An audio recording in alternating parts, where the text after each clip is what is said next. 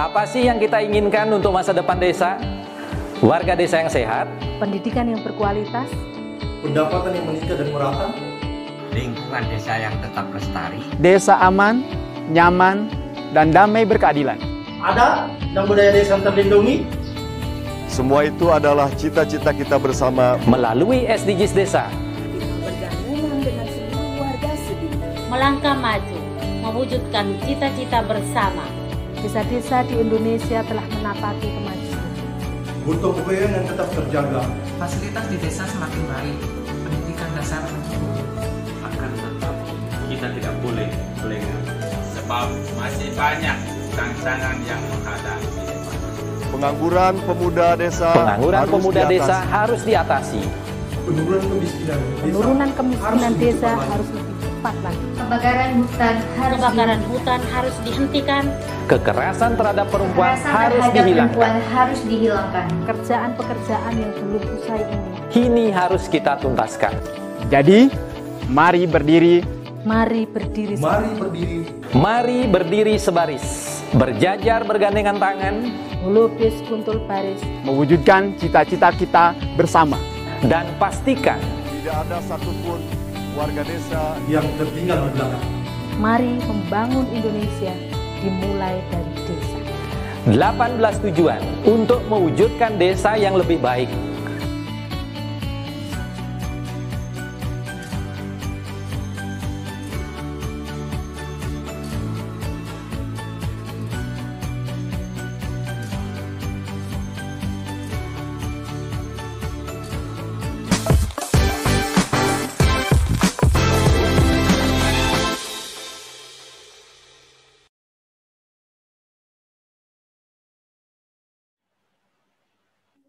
Ya, selamat pagi kerabat desa yang berbahagia di seluruh Indonesia. Kembali lagi pagi ini dari pukul 6 hingga pukul 7 waktu Indonesia Barat, kita akan sarapan SDGs Desa bersama Kemen Desa.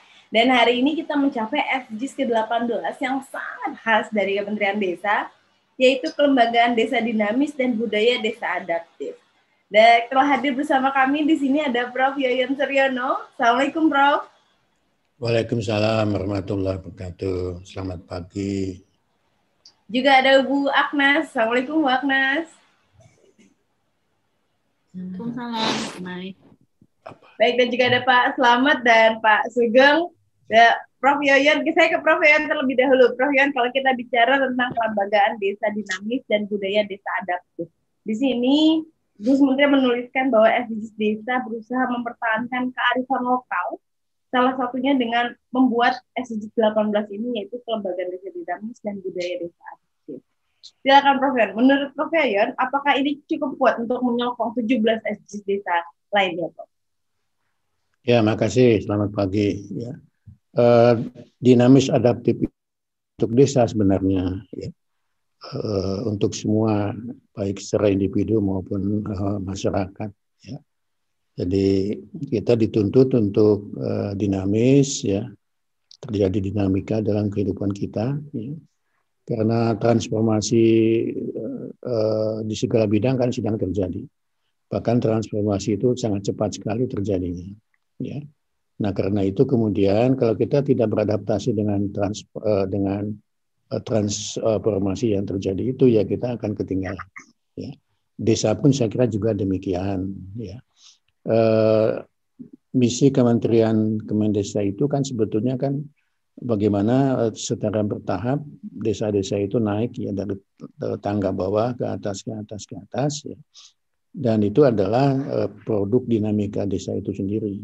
Ya dan semua pihak termasuk Kementerian Desa yang mendorong terjadinya dinamika perubahan di dalam desa itu sendiri. Nah, dalam konteks perubahan itu kan terjadi eh, berbagai macam aspek kehidupan itu mengalami perubahan. Ya. Concern terhadap eh, kearifan desa, ya, eh, ada dua kemungkinan. Ya, dia bisa tetap eksis ya sebagai satu kearifan desa atau dia terbawa oleh perubahan itu.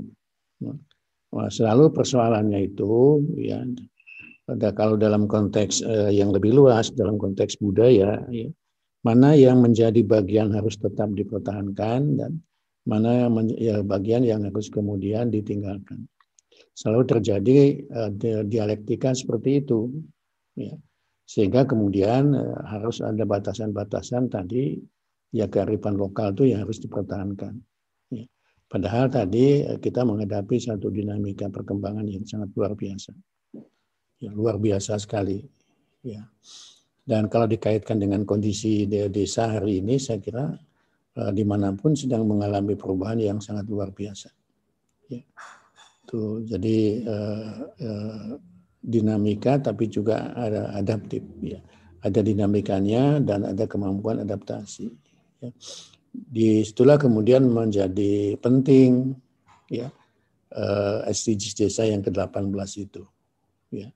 Kelembagaan desa di satu sisi harus dinamis ya, ya uh, kemampuan punya kemampuan beradaptasi dengan perubahan-perubahan itu dan kemudian uh, mempertahankan kearifan-kearifan lokal. Kearifan-kearifan lokal itu kan sebetulnya uh, pengalaman ber, lamanya pengalaman yang sudah lama sekali ya menjadi itu satu kebenaran yang ada di dalam masyarakat. Ya.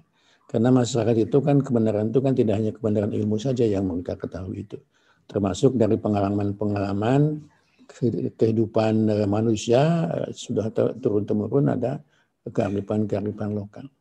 Ya. Banyak orang yang mengutip uh, ini apa namanya Ronggo Warsito. Ya. Situasi hari ini dilihat dengan kacamata itu ternyata uh, memang yang terjadi itu dinamika tadi itu. Nah, adaptif saya kira uh, uh, skopnya juga luas sekali. Ya. Ini pagi ini saya dapat mulai tadi malam, mulai tadi malam saya dapat uh, kiriman gambar WA. Ya, di semua tempat terjadi banjir yang sangat luar biasa. Di Jawa Barat di sini ya. Ya, di tempat saya ada satu uh, tanggul uh, jebol gitu. Kemudian ada bahu jalan uh, apa namanya tergerus ya banjir itu dan banyak sekali. Ya. Dan nanti persoalannya kemungkinan itu ke dana desa tadi itu untuk memperbaikinya. Kemungkinan ya saya juga tidak tahu atau kepada dana-dana yang lain. Itu baru dari satu sisi saja ya. Dari satu sisi eh, karena cuaca anomali iklim dan sebagainya ya. Adaptasi ke situ ya. Padahal kemudian saya kira eh, banyak lagi ada aspek politiknya, ada aspek ekonominya, sosialnya, ya. aspek budayanya, termasuk aspek teknologi ya. Kita hari ini kan dengan berdesa ber, apa, ber SDG desa kan Eh, dampak dari teknologi itu. Ya. Saya kira Pak Selamat juga punya pengalaman itu nanti bahwa ternyata eh, desa yang statis itu tidak akan berkembang ya karena memang harus dinamis. Desa yang tidak adaptif tentu akan sebaliknya akan mengalami eh, ketertinggalan-ketinggalan itu. Ya. Jadi SDS SDGs, SDGs desa 1 sampai 17 itu itu kan selalu saya selalu mengatakan itu kan oh, seluruh aspek kehidupan manusia ada di situ. Ya ya termasuk yang 18 itu sebetulnya bagian dari 1 2 3 sampai dengan 17 itu ada semua di situ. Oleh karena itu bungkus terakhir SD 18 ini ya sebetulnya itu mewadahi semua itu ya. Ya SD 1 sampai 17 itu ya harus harus uh, dinamis ya dan 1 sampai 17 itu harus ada ya. ya jadi banyak uh, perubahan-perubahan terjadi. Itu saya kira penjelasan umum nanti teknisnya saya kira Gus Ivan kalau hadir ya tidak tidak tahu nih eh, aspek-aspek eh, indikatornya ya. Menurunkan dari indikator dinamis dan indikator yang terakhir kemudian adalah adaptif ya. Orang selalu mengatakan sekarang di dunia pendidikan misalnya apa yang disebut dengan keterampilan abad 21 keterampilan abad 21 itu salah satunya kemampuan adaptif tadi itu ya, ya untuk uh, melakukan bersedia melakukan ya atau mengikuti perubahan-perubahan yang terjadi. Nah, uh, mengapa tadi saya katakan Pak Menteri kearifan lokal supaya di, di dalam dinamika dan adaptasi itu ya kita punya pegangannya. Pegangan itu yang jadi sangat penting. Ya. Kita selalu uh, secara pegangan tidak hanya secara ideologi yang lalu ideologi kan sudah jelas Pancasila ya Kemudian secara ilmu, secara budaya dalam praktik kehidupan ya kan kita semua bisa tergerus ke situ. Gitu. Jadi poin uh, salah satu poin penting tentang kearifan lokal tadi memang uh, begitu ya. Ya, namanya aja kearifan lah. Nah, ini jangan lupa ya. Orang itu kalau sudah sampai ke titik ilmu itu belum berakhir itu. Ya. Penguasaan ilmu itu baru titik uh, bukan belum titik terakhir titik terakhirnya itu dengan ilmu yang kita miliki oleh manusia itu harus memunculkan kearifan di dalam kehidupan. Makin banyak ilmunya, makin arif semestinya gitu loh. Cuman sayangnya ini Pak Arif belum kelihatan ya. Ya. Oh ya, wah, ya. itu saya kira. Uh, jadi makin tinggi itu justru kearifan lokal itu makin makin apa ya. Pak Surya Koco itu sudah sudah diajari itu dari sejak kecil saya kira apa yang disebut tanggap insasmito ya. Harus tanggap tanda-tanda zaman itu tanggap insasmito ya. Kemudian orang Jawa itu harus warus uh, warus duruning winara apa namanya tahu sebelum kejadian itu terjadi. Itu sangat luar biasa sekali. Itu kan kemampuan adaptasi itu adaptasi ya. Jadi tanggap insasmito uh, warusa burwinaya uh, uh, tahu sebelum apa nama terjadi elinglan waspodo macam-macam itu. Itu kan kearifan-kearifan lokal itu gitu. Ya ya Ronggo Wasito kan kalau tanah Jawa itu sudah dikalongi besi ya ya. Tanah Jawa itu sudah dikalongi besi itu terjadi perubahan yang sangat luar biasa. Maksudnya pada waktu itu Pulau Jawa itu sudah terlewati oleh rel kereta api. Itu contoh-contoh kearifan lokal Nah ini Pak Arif sudah muncul saya kira. Pak Arif, Pak Ivan juga sudah bisa Pak bergabung. Ya, Pak Ivan ini Pak saya. Tidak sani terus soalnya. Oh iya. Jadi saya saya setuju ya orang yang berilmu itu puncaknya itu harus kearifan. Lebih arif lah ilmu itu.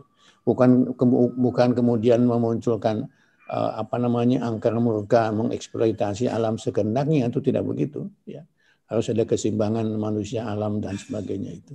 Itu catatan saya begitu mbak Mai ya. Uh, uh, terima kasih. Monggo dilanjut Pak. Selamat itu saya kira mungkin ada. Ya. Monggo. Tadi cukup seru bahwa Prof. Yoyan menyebutkan bila tataran manusia maka ilmu yang cukup tinggi kemudian akan berujuk pada kearifan pada seseorang. Apakah untuk desa kearifan lokal juga merupakan suatu hal yang tertinggi. Pak Ari, Pak Ivanovic Agusta, Assalamualaikum. Waalaikumsalam. Terima kasih Ume, kerabat desa sekalian. Pak Ivan, hari ini cukup seru Pak. Sudah muncul itu Pak. Hari ini cukup seru karena sangat SDGs desa dan sangat Kementerian Desa Pak Ivan. Kalau kita bicara tentang kelembagaan desa dinamis dan budaya desa yang adaptif, ini cukup uh, cukup besar sepertinya cakupan luasan maknanya. Nah, kira-kira indikator apa kemudian Pak Ivan yang akan di, uh, dilakukan oleh SDGs Desa untuk didata dari tema ini kelembagaan desa dinamis dan budaya desa adaptif. Silakan Pak Ivan. Ya, sebetulnya kita akan cek ke dalam Mbak Ume, kerabat desa sekalian, tapi sejauh uh, sarapan desa, sarapan SDGs desa kita selama ini dan kemudian perkembangan di luar ya di luar sarapan SDG desa kita ini uh, sebetulnya ada kita harus cek bahwa khusus SDGs desa ke-18 ini jika memang dibutuhkan tambahan masukan maka akan segera disusun gitu. Terutama karena ada tendensi antara harapan yang sangat besar di SDG desa ke-18 ya dan kemudian dengan indikator yang ada. Jadi artinya indikator yang ada masih bisa dikembangkan uh, lebih jauh. Meskipun apalagi Gus Koco sempat menyampaikan uh, eh, SDGs desa ke-18 ini seperti Little Soekarno untuk untuk aspek desa gitu. Jadi apa namanya itu uh, sempat menjadikan uh, di Kementerian Desa itu didiskusikan langsung oleh Gus Menteri gitu untuk menyampaikan bahwa ekspektasi yang sangat besar untuk SDG Desa ke-18 ini harus bisa dijawab gitu. Jadi kalau saat ini misalnya yang kami sampaikan indikator yang disusun masih kurang kurang besar gitu ya. Maka kata Gus Menteri khusus SDG Desa ke-18 jika memang butuh dikoreksi dan ditambahkan sesuai kebutuhan dari warga desa itu maka itu akan dilakukan gitu ya. Jadi saya kira dari TV Desa memberikan insight yang menarik untuk itu sehingga kemudian uh, menjadikan ini hal yang menjadi sangat penting gitu. Salah satu tantangan kalau dulu ya sekitar setahun yang lalu kalau Kementerian Desa ikut cawe-cawe dalam desa adat misalnya gitu. Itu dianggap dalam tanda kutip itu seperti menambah pekerjaan gitu ya. Tapi Gus Menteri menyampaikan ya itu salah satu dengan dengan adanya pandangan terakhir ini maka itu salah satu yang akan segera dikerjakan oleh Kementerian Desa. Misalnya seperti itu. Jadi ada perubahan-perubahan langkah karena SDGs desa ke-18. Kemudian perlu kami sampaikan juga bahwa SDGs ke-18 itu memang selalu hampir selalu berisi uh, kebutuhan lokal dan kemudian satu tujuan khusus, tujuan yang khas untuk satu wilayah tertentu. Dalam hal ini adalah desa-desa di Indonesia. Ya.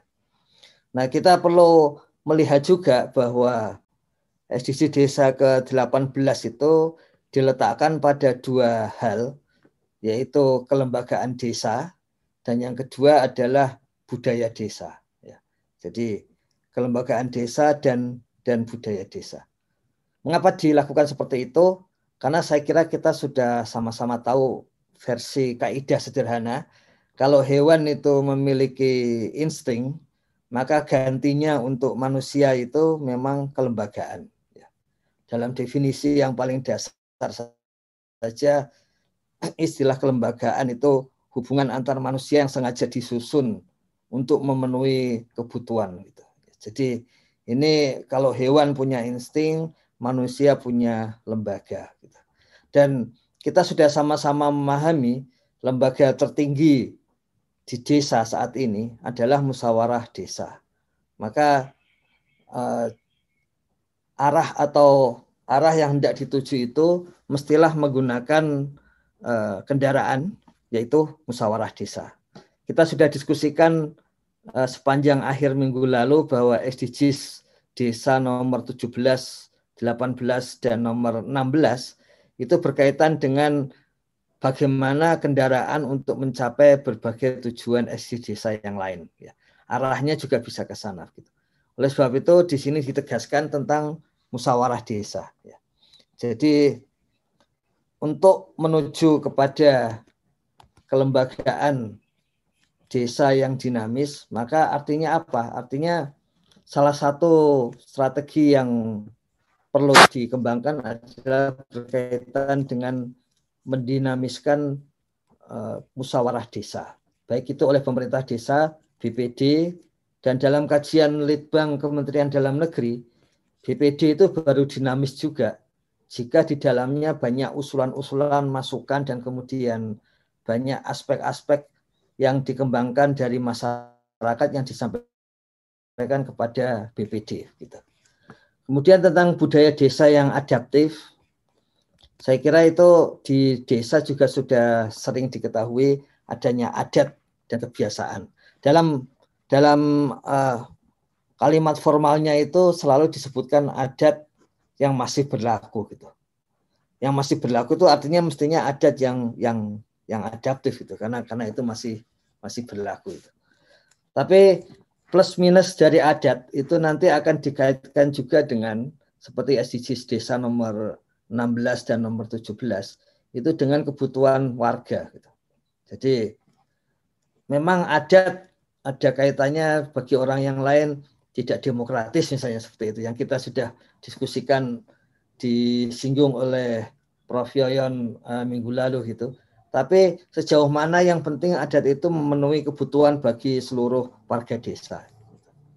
Jadi dilakukan seperti itu dan kemudian aspek yang dilihat pada saat ini adalah yang pertama ada adat yang berkaitan dengan pokok-pokok agama. Ya, tentu saja ini agama ini sangat-sangat umum, tapi bahwa hasil kajian para antropolog untuk desa menunjukkan bahwa banyak adat itu juga berkaitan dengan agama dan karena itu adat menjadi kuat ya. Jadi kegiatan tolong menolong ya, yang didasarkan pada ajaran agama.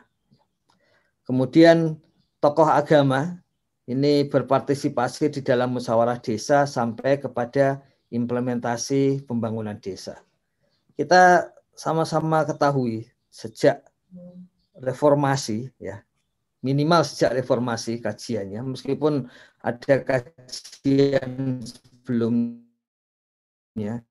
bahwa seluruh pembangunan desa yang kemudian berkaitan dengan aspek partisipasi masyarakat yang paling tinggi. Ya. Jadi ketika sampai kepada alasan adat, budaya, dan agama, maka partisipasi masyarakat itu sangat tinggi. Ya. Karena itu dianggap sesuai dengan uh, kebutuhannya. Makanya di sini penting untuk untuk seperti itu. Bukan berarti harus dilakukan partisipasi, tapi kalau sampai tokoh agama, tokoh adat bisa ikut dalam musdes, mestinya bagi para tokoh itu, musdes itu punya manfaat bagi warga desa. Gitu.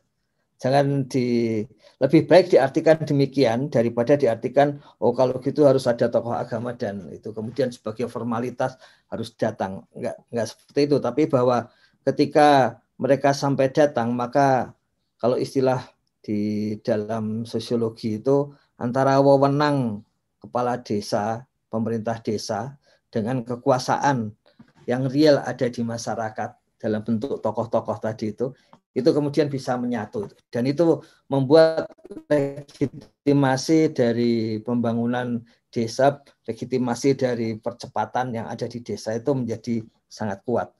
Kemudian memastikan ada kegiatan atau santunan kepada golongan-golongan yang memang lemah di desa ya, yang itu berbasis kepada adat dan budaya. Kita ketahui sampai saat ini ya itu kalau istilah dari Clifford Gates itu disebutkan tidak ada yang miskin ya di desa itu. Yang ada itu kekurangan. Sangat relatif. Begitu relatifnya itu sehingga yang yang tahu itu sebetulnya yang paling tahu sebetulnya adalah warga desa yang paling dekat. Seringkali di desa kita temui yang membantu keluarga miskin sebelum sekarang modelnya BLT ini itu adalah tetangga-tetangga yang memang mengetahui kondisi warga miskin di tetangga sekitarnya. Gitu.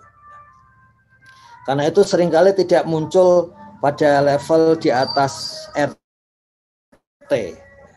Dan itu sebabnya strategi BLT dana desa itu diletakkan pada level RT. Karena kita mengetahui ketika masuk kepada aspek budaya, adat, dan agama, itu yang paling mengetahui kondisi sekitarnya adalah tetangganya sendiri. Gitu. Jadi itu itu itu landasan mengapa eh, aspek-aspek di dalam SDG desa itu akan dimulai ketika sudah di atas keluarga itu adalah RT. Gitu. Kemudian SOTK ya SOTK dari pemerintah desa itu sesuai dengan peraturan yang berlaku. Mengapa ini penting? Terutama karena uh, supaya lebih mudah, supaya lebih mudah untuk saling berkoordinasi antar desa atau kerjasama antar desa. Meskipun tentu saja tiap desa bisa mengembangkan sendiri, apalagi kalau desanya desa adat. Ya. Desa kalau sudah ada nomenklatur desa adat maka bisa mengelola dengan SOTK-nya sendiri. Ya, gitu.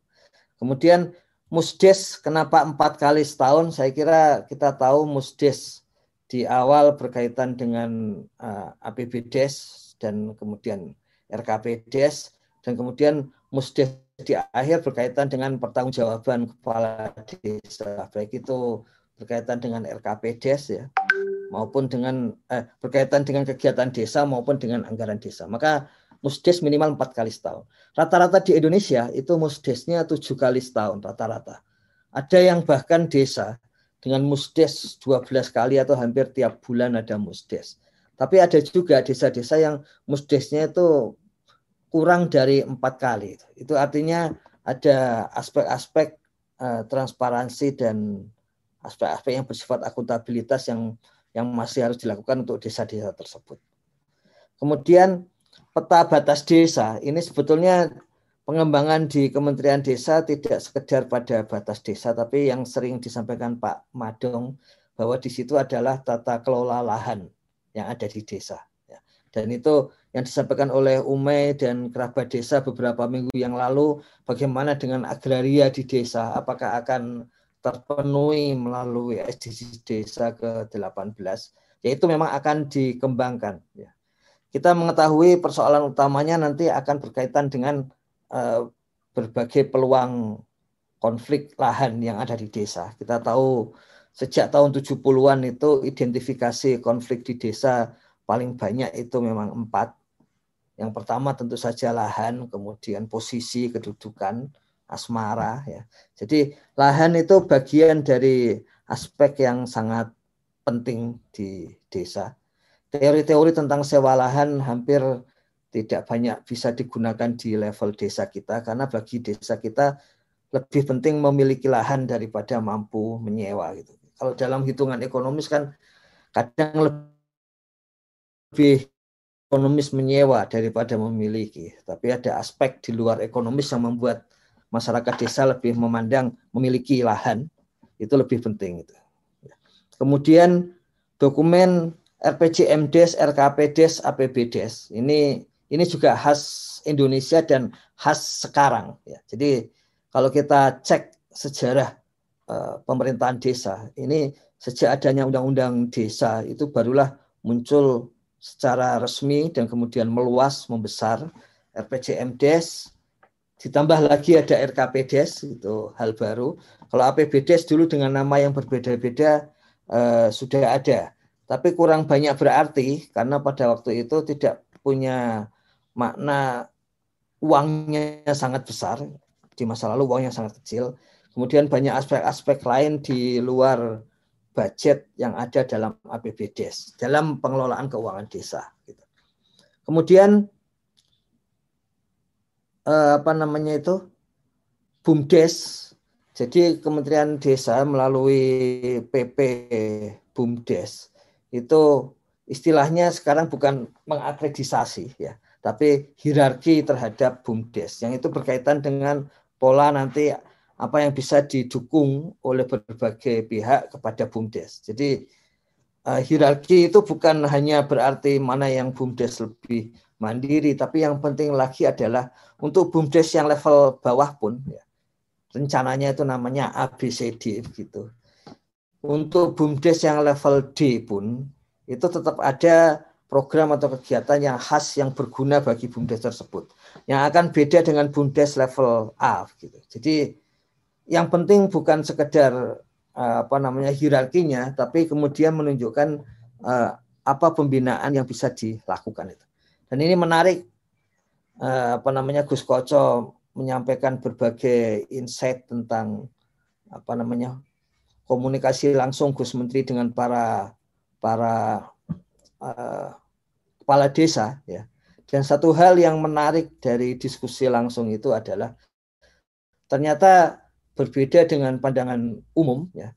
Ternyata ketika bertanya langsung para kepala desa selalu ada pertanyaan tentang BUMDes. Ini hal yang sangat penting karena memang PADes untuk desa saat ini peluangnya untuk dikembangkan, peluang terbesarnya itu memang melalui BUMDes. Makanya di sini disebut BUMDes kalau bisa minimal teragresif, uh, minimal dengan hierarki B. Itu. Kemudian budaya yang dilestarikan, budaya yang ada di desa pada saat ini, ya, itu dilestarikan sepenuhnya. Jadi dilestarikan sepenuhnya budayanya, dan kalau ada lembaga adat yang saat ini aktif, maka lembaga itu harus tetap aktif untuk untuk seterusnya. Jadi ini ini aspek bahwa adaptasi budaya, ya budaya yang adaptif itu akan ditunjukkan bahwa dia tetap bisa ada. Itu dalam kalau di dalam ilmu pengetahuan kan ada istilahnya apa perubahan paradigma ini. Jadi lembaga adat itu sangat saat ini sangat apa namanya memiliki tantangan yang sangat besar karena sudut pandang atau adat yang berbeda itu bisa masuk ke desa. Kemudian harus bisa melakukan lembaga adat ini seharusnya bisa melakukan uh, adaptasi itu kemudian masuk ke dalam nilai-nilai budaya setempat itu sehingga bisa diolah. Jadi kalau dulu ada istilah jembatan budaya, ini menurut Clifford Gates, cultural broker gitu, itu adanya di tokoh-tokoh adat dan di tokoh-tokoh agama di masa lalu. Dan itu kita sudah mengetahui banyak bahwa sebagian kita sudah punya sudah punya hipotesis bahwa sebagian besar penyelesaian dari masalah di desa itu harusnya melalui uh, tokoh-tokoh adat, tokoh-tokoh lokal dan tokoh-tokoh agama. Tapi kita belum punya identifikasi yang sangat luas gitu. Nah, makanya di sini melalui inputting data-data SDG desa hal itu uh, akan dilakukan. Sebagai contoh dalam data potensi desa BPS itu kalau ada konflik di desa ya, kalau ada konflik di desa, jumlah kon, jumlah desa yang berkonflik hanya 4% sebetulnya. Tapi yang dominan untuk menyelesaikan konflik itu adalah pemerintah. Ya. Jadi dalam kajian BPS itu yang dominan menyelesaikan konflik di desa itu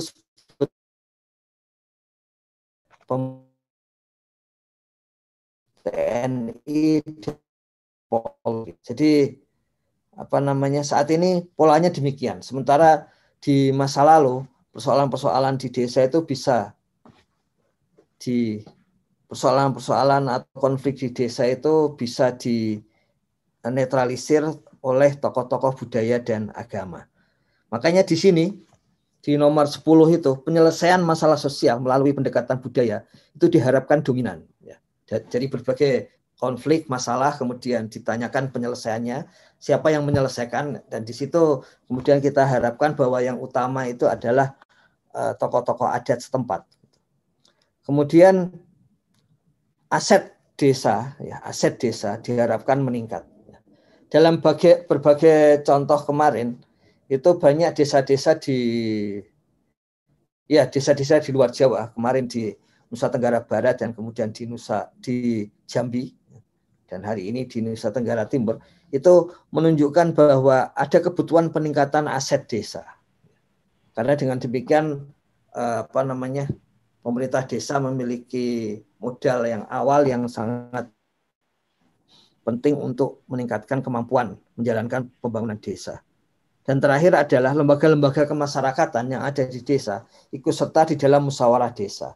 Yang artinya kalau ingin membuat lembaga desanya atau desanya dinamis, maka forumnya memang adalah musyawarah desa. Oleh sebab itu sebanyak mungkin golongan-golongan dari masyarakat, kemudian dari tokoh, dari adat bisa masuk ke dalamnya menjadi sangat sangat penting itu. Itu kira-kira bayangannya bahwa kita mengetahui secara ringkas bahwa jika adat itu masih ada dan digunakan sampai saat ini, maka mestinya dia adaptif. Nah, cara untuk mencapai ke sana adalah melalui kelembagaan. Karena kelembagaan itu memang disusun oleh masyarakat, oleh manusia untuk memenuhi kebutuhannya. Kiranya begitu, Meh, kerabat desa sekalian, Prof. Yoyon, Pak Arif tadi, ini juga banyak Pak Cari di sini. Baik, baik, Pak Rofik dan kerabat desa yang berbahagia, kita akan kembali lagi setelah jeda berikut ini tetap di Kelembagaan Desa Dinamis dan Budaya Desa Adaptif. Kamu tinggal di pulau terpencil, pegunungan pinggiran kota, atau daerah di Indonesia yang tidak terjangkau jaringan fiber, ADSL, dan juga 3G. Internetan dengan cepat pasti cuma akan menjadi mimpi.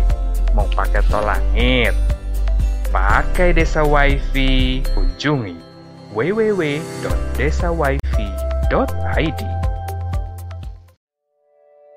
Apa sih yang kita inginkan untuk masa depan desa?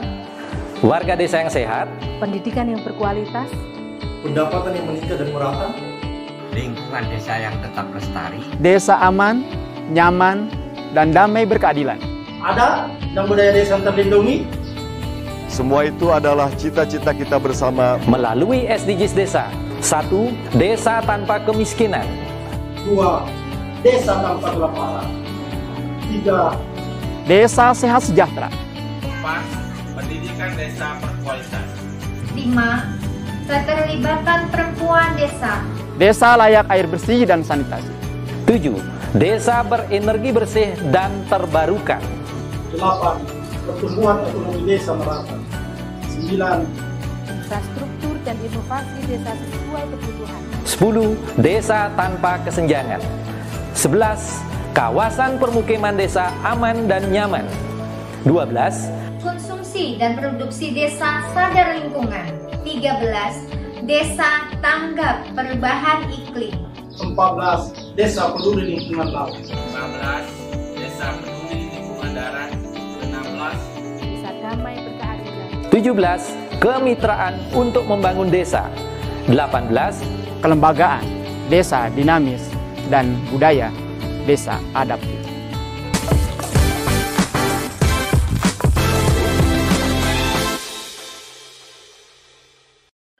Desa Vision. Desa Vision memberikan pilihan tayangan edukasi dan inspirasi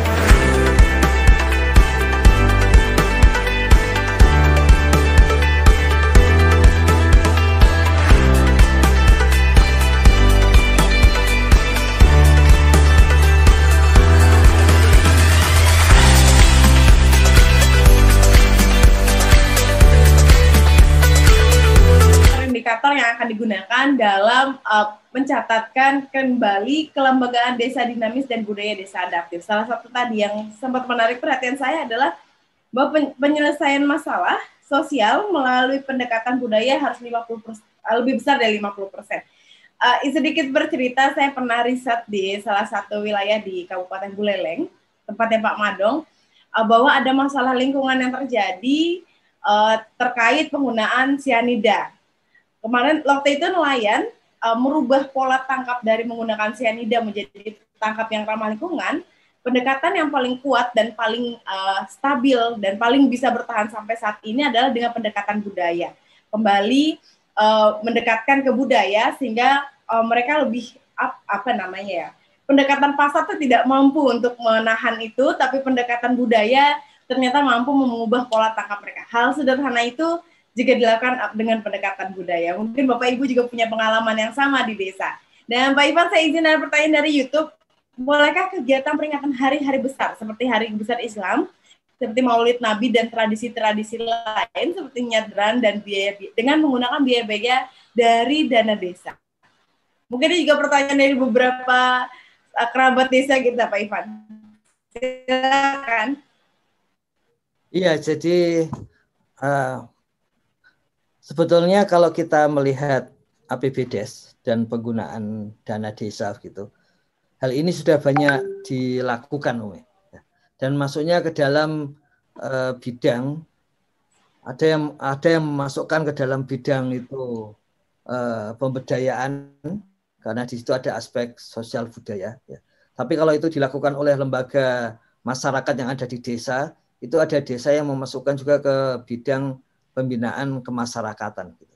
Jadi uh, kenyataannya memang itu bukan hal-hal uh, yang dilarang begitu. Jadinya artinya ya boleh dilakukan gitu.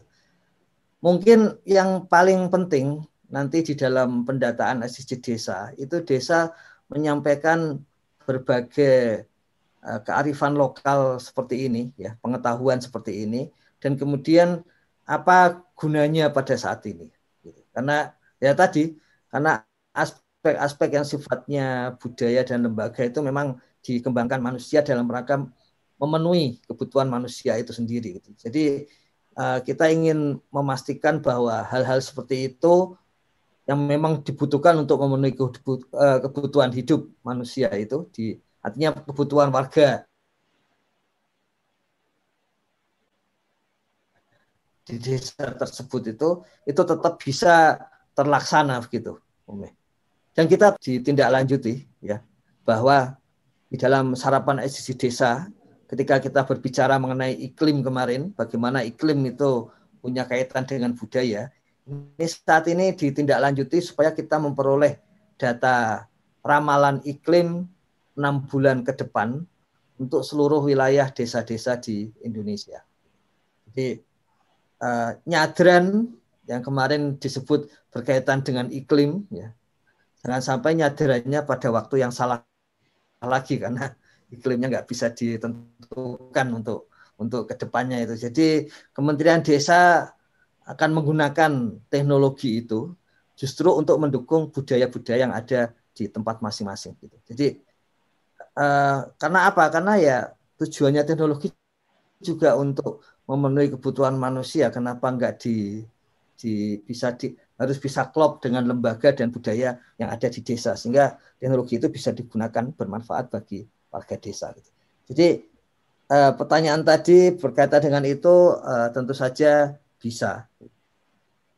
Kemudian, Baik, ya. ada pertanyaan lanjutan nih Pak, sepertinya Pak dari YouTube juga. Bahwa jika indikator SDGs desa salah satunya adalah aset desa, apakah desa diperbolehkan untuk membeli tanah atau bangunan-bangunan Pak? Dengan dana desa tentunya. Jadi kenapa pembelian lahan itu sempat di, di, di tidak dibolehkan ya sampai saat ini? itu karena tendensi di masa lalu itu ketika desa membeli lahan sering kali banyak kasus-kasus ya. Kasus-kasus dari hasil kajian ini. Yang kemudian ketika beralih ke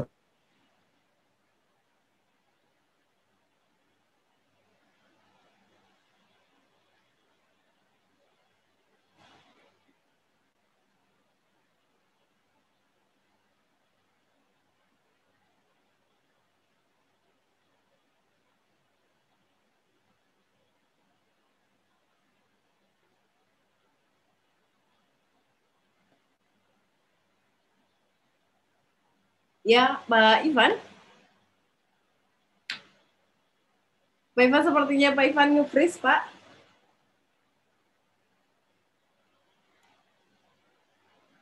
Baik, uh, pertanyaan kemudian dari Bapak MS Al Fauzi dari YouTube bahwa jika dalam indikator SDGs desa ke-18 ada pernyataan aset desa meningkat, apakah kemudian aset desa itu salah satunya boleh desa membeli uh, tanah atau bangunan-bangunan seperti ruko atau dengan menggunakan dana desa.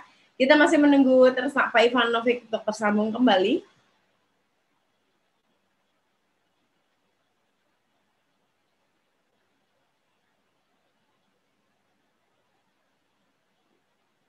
Tapi menunggu Pak Ivanovic, mungkin kita bisa uh, ngobrol lebih jauh.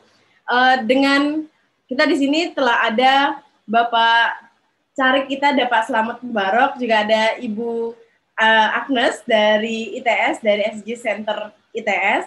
Bu Agnes, saya sedikit, uh, boleh sedikit ngobrol ya Bu? Iya, silahkan Mbak Umay. Baik, Bu Agnes sambil satu, mungkin sedikit saja Bu sebelum kita tersambung kembali dengan Pak Ivanovic. Kira-kira Bu, dalam uh, bayangan Ibu kemudian tentang kelembagaan desa dinamis dan budaya desa adaptif, mungkin ada ada sedikit hal yang ingin Ibu sampaikan. Silakan Bu. Ya, ini SDG 18 ini luar biasa. Saya kira ini uh, apa kunci ya, Pak. Kunci dari uh, keberhasilan SDG 1 sampai 17. karena ini terkait dengan kapasitas, terkait dengan ke apa itu namanya kemampuan desa untuk mengelola eh, wilayahnya sampai akhirnya mengelola masyarakat, mengelola potensinya, sampai akhirnya SDG yang lain itu bisa tercapai.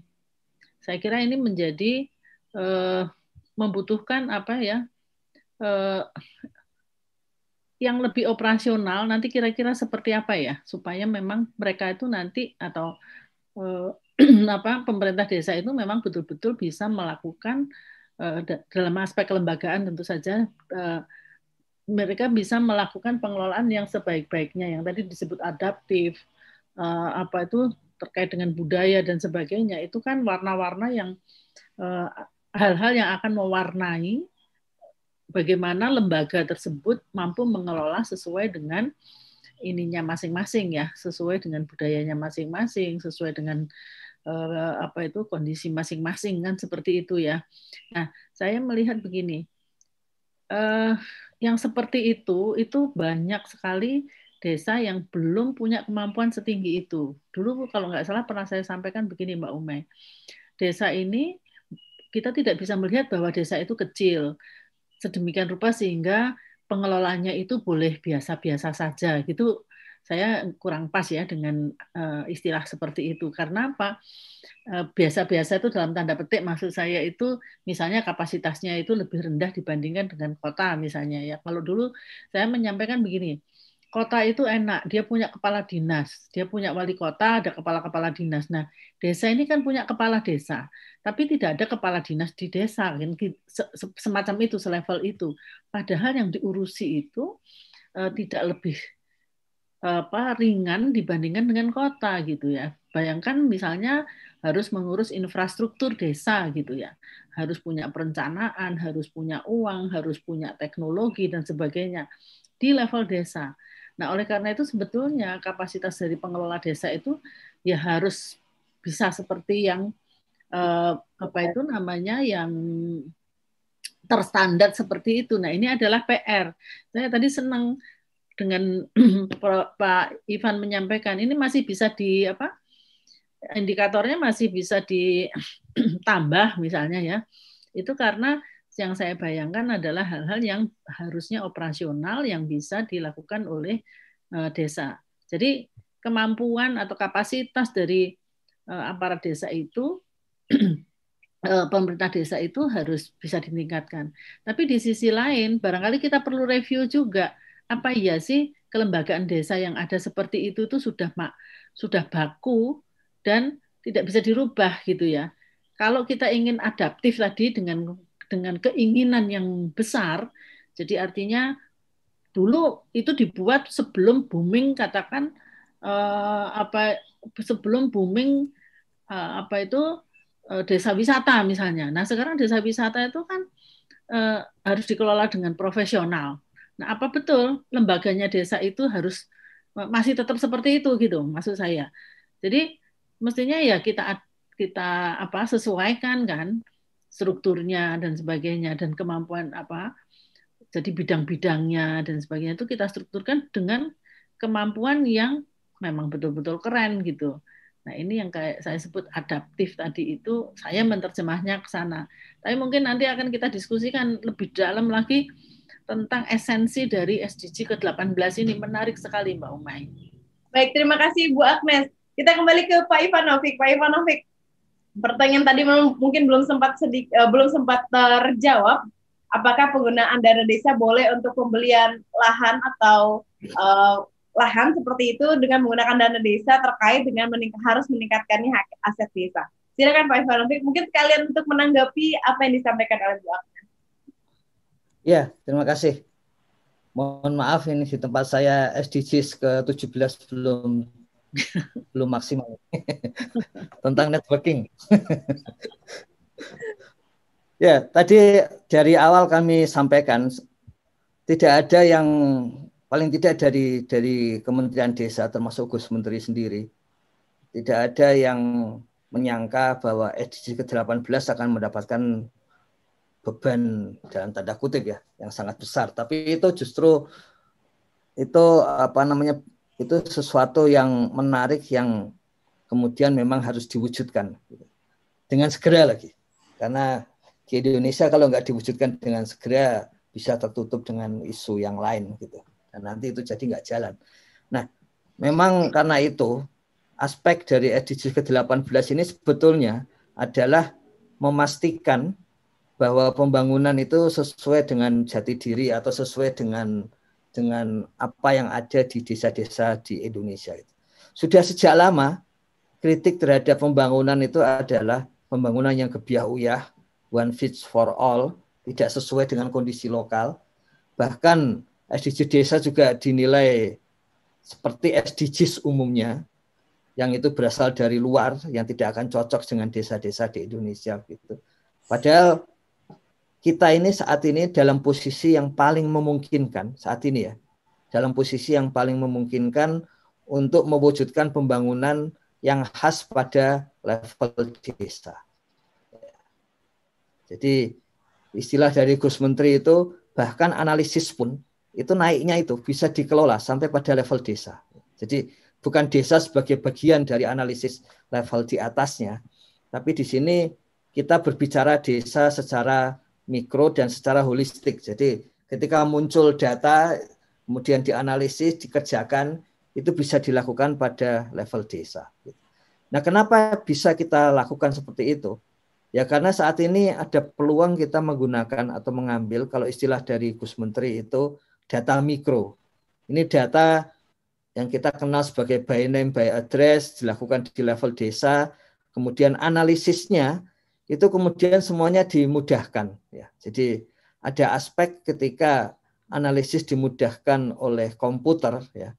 Analisis yang rumit-rumit yang kemudian sangat itu dimudahkan oleh komputer menghasilkan sampai kepada laporan ya. Jadi komputer memberikan laporan kepada pemerintah desa. Itulah peluang bagi desa untuk menjalankan hal yang sangat rumit yang disebut Bu Agnes tadi memang kita tidak boleh tidak boleh menyederhanakan karena desa unit terkecil kemudian pasti sederhana enggak.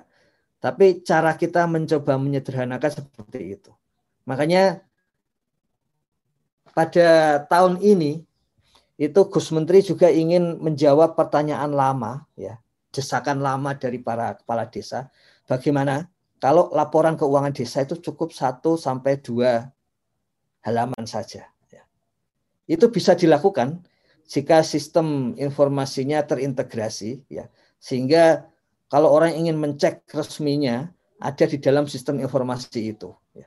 kemudian kepala desa cukup menyampaikan apa saja yang dia anggap penting pada tahun ini dan apa saja yang dia anggap penting untuk kelanjutannya di tahun depan maka tinggal satu atau dua halaman untuk laporan keuangan artinya pada saat ini kondisi teknologi, kemudian kondisi sosial budaya di sekitar kita ini sedang memungkinkan untuk itu. Makanya itu yang dikejar pada tahun 2021 ini.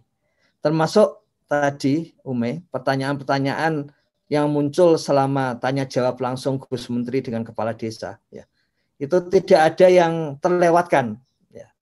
Jadi pada saat ini simulasi-simulasi sudah dilakukan. Kenapa simulasi ya? Karena Kementerian Keuangan dan berbagai kementerian itu kalau kita mengusulkan hal baru itu memang harus dimulai dengan simulasi. Ada kasus-kasus atau kalau kita punya data level nasional itu dilakukan.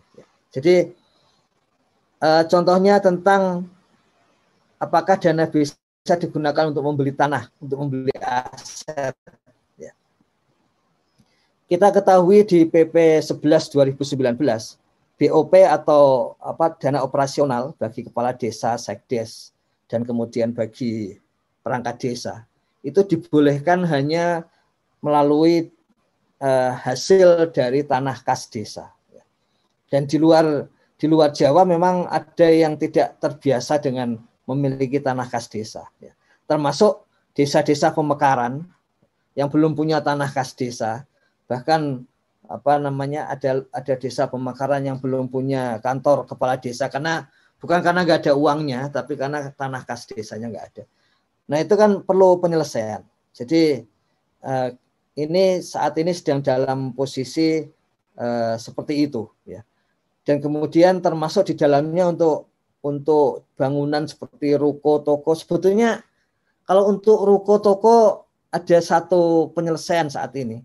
Kalau itu dananya dari BUMDes sebetulnya sah saja ya. Jadi mau membeli untuk usaha ruko, toko uh, dan sebagainya itu itu asal itu asetnya BUMDes nantinya ya, bukan aset desa. Saat ini tidak menyalahi aturan. Jadi desa bisa memberikan modal kepada BUMDes. Kemudian BUMDes bisa meningkatkan peluang modalnya itu uh, asetnya itu antara lain dengan membeli tanah. Itu saat ini salah satu jalan keluar yang sering di, yang sudah sering dilakukan juga oleh oleh bumdes bumdes yang saat ini yang kemarin ya naik daun terutama bumdes wisata gitu. Meskipun saat ini jadi agak turun gitu. Tapi ke depan eh, itu dimungkinkan. Ya kalau kalau apa namanya istilah Gus Menteri itu dimungkinkan asal data kita akurat sehingga yang penting itu tidak ada masalah bahwa kemudian dan uh, tanah aset dan sebagainya itu kemudian jadi milik individu itu saja sebetulnya dan tadi disampaikan oleh Bu Agnes memang benar bahwa peningkatan kapasitas itu menjadi penting. Dan Gus Menteri paling tidak Kementerian Desa mengambil sikap aktif. Tahun ini ada pelatihan bagi kepala desa untuk aspek-aspek yang sifatnya pembangunan. Jadi ada ada pelatihan kepala desa untuk aspek yang sifatnya pembangunan. Keuangan juga ada, tapi khusus untuk pengelolaan dana desa. Gitu. Jadi supaya memudahkan. Dan di samping itu eh, semua kepala desa masih bisa langsung menanyakan langsung ke Gus Menteri ya, melalui Sapa Desa eh, yang yang Gus Menteri sendiri ada di dalamnya gitu. Jadi semua pertanyaan Sapa Desa itu terbaca oleh beliau dan jika dianggap level pengambilan keputusannya harus sampai level kementerian, biasanya beliau langsung menjawab sendiri gitu. Begitu Ume. Jadi apa namanya? Eh, SDG desa ke-18 saya, saya kira sudah sudah masuk di apa namanya cara pemikiran kita bahwa itu adalah memang konteks sehingga memang mempengaruhi yang lain. Nah, kita sudah belajar jangan sampai mempengaruhi yang lain itu sifatnya pengarus utamaan.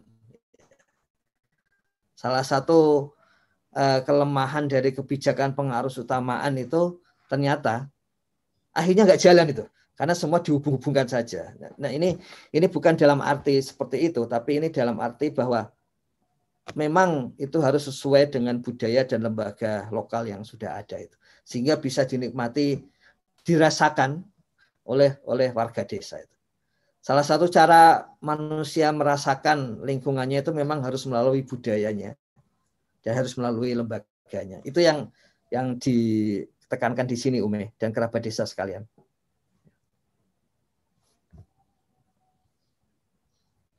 Kayaknya Ume belum bicara ini.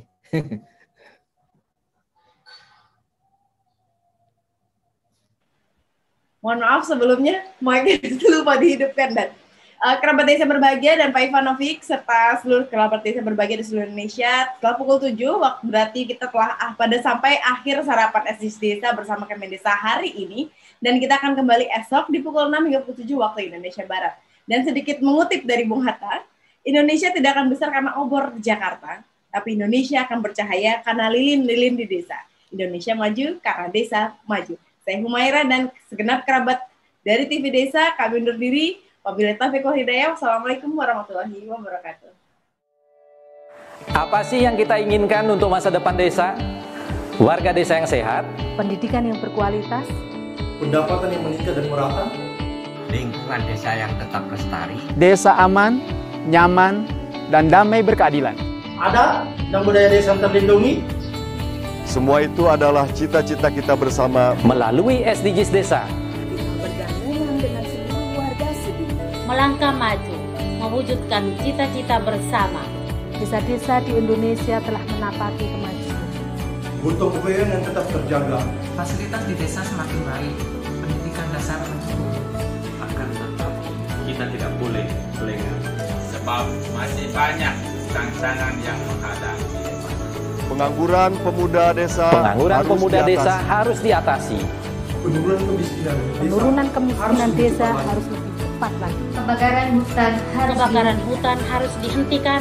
Kekerasan terhadap perempuan Kekerasan harus terhadap dihilangkan. perempuan harus dihilangkan. Pekerjaan-pekerjaan yang belum usai ini. Kini harus kita tuntaskan. Jadi, mari berdiri, Mari berdiri Mari berdiri Mari berdiri sebaris, berjajar bergandengan tangan, melukis kuntul baris, mewujudkan cita-cita kita bersama. dan pastikan Tidak ada satupun warga desa yang tertinggal di belakang. Mari membangun Indonesia dimulai dari desa. 18 tujuan untuk mewujudkan desa yang lebih baik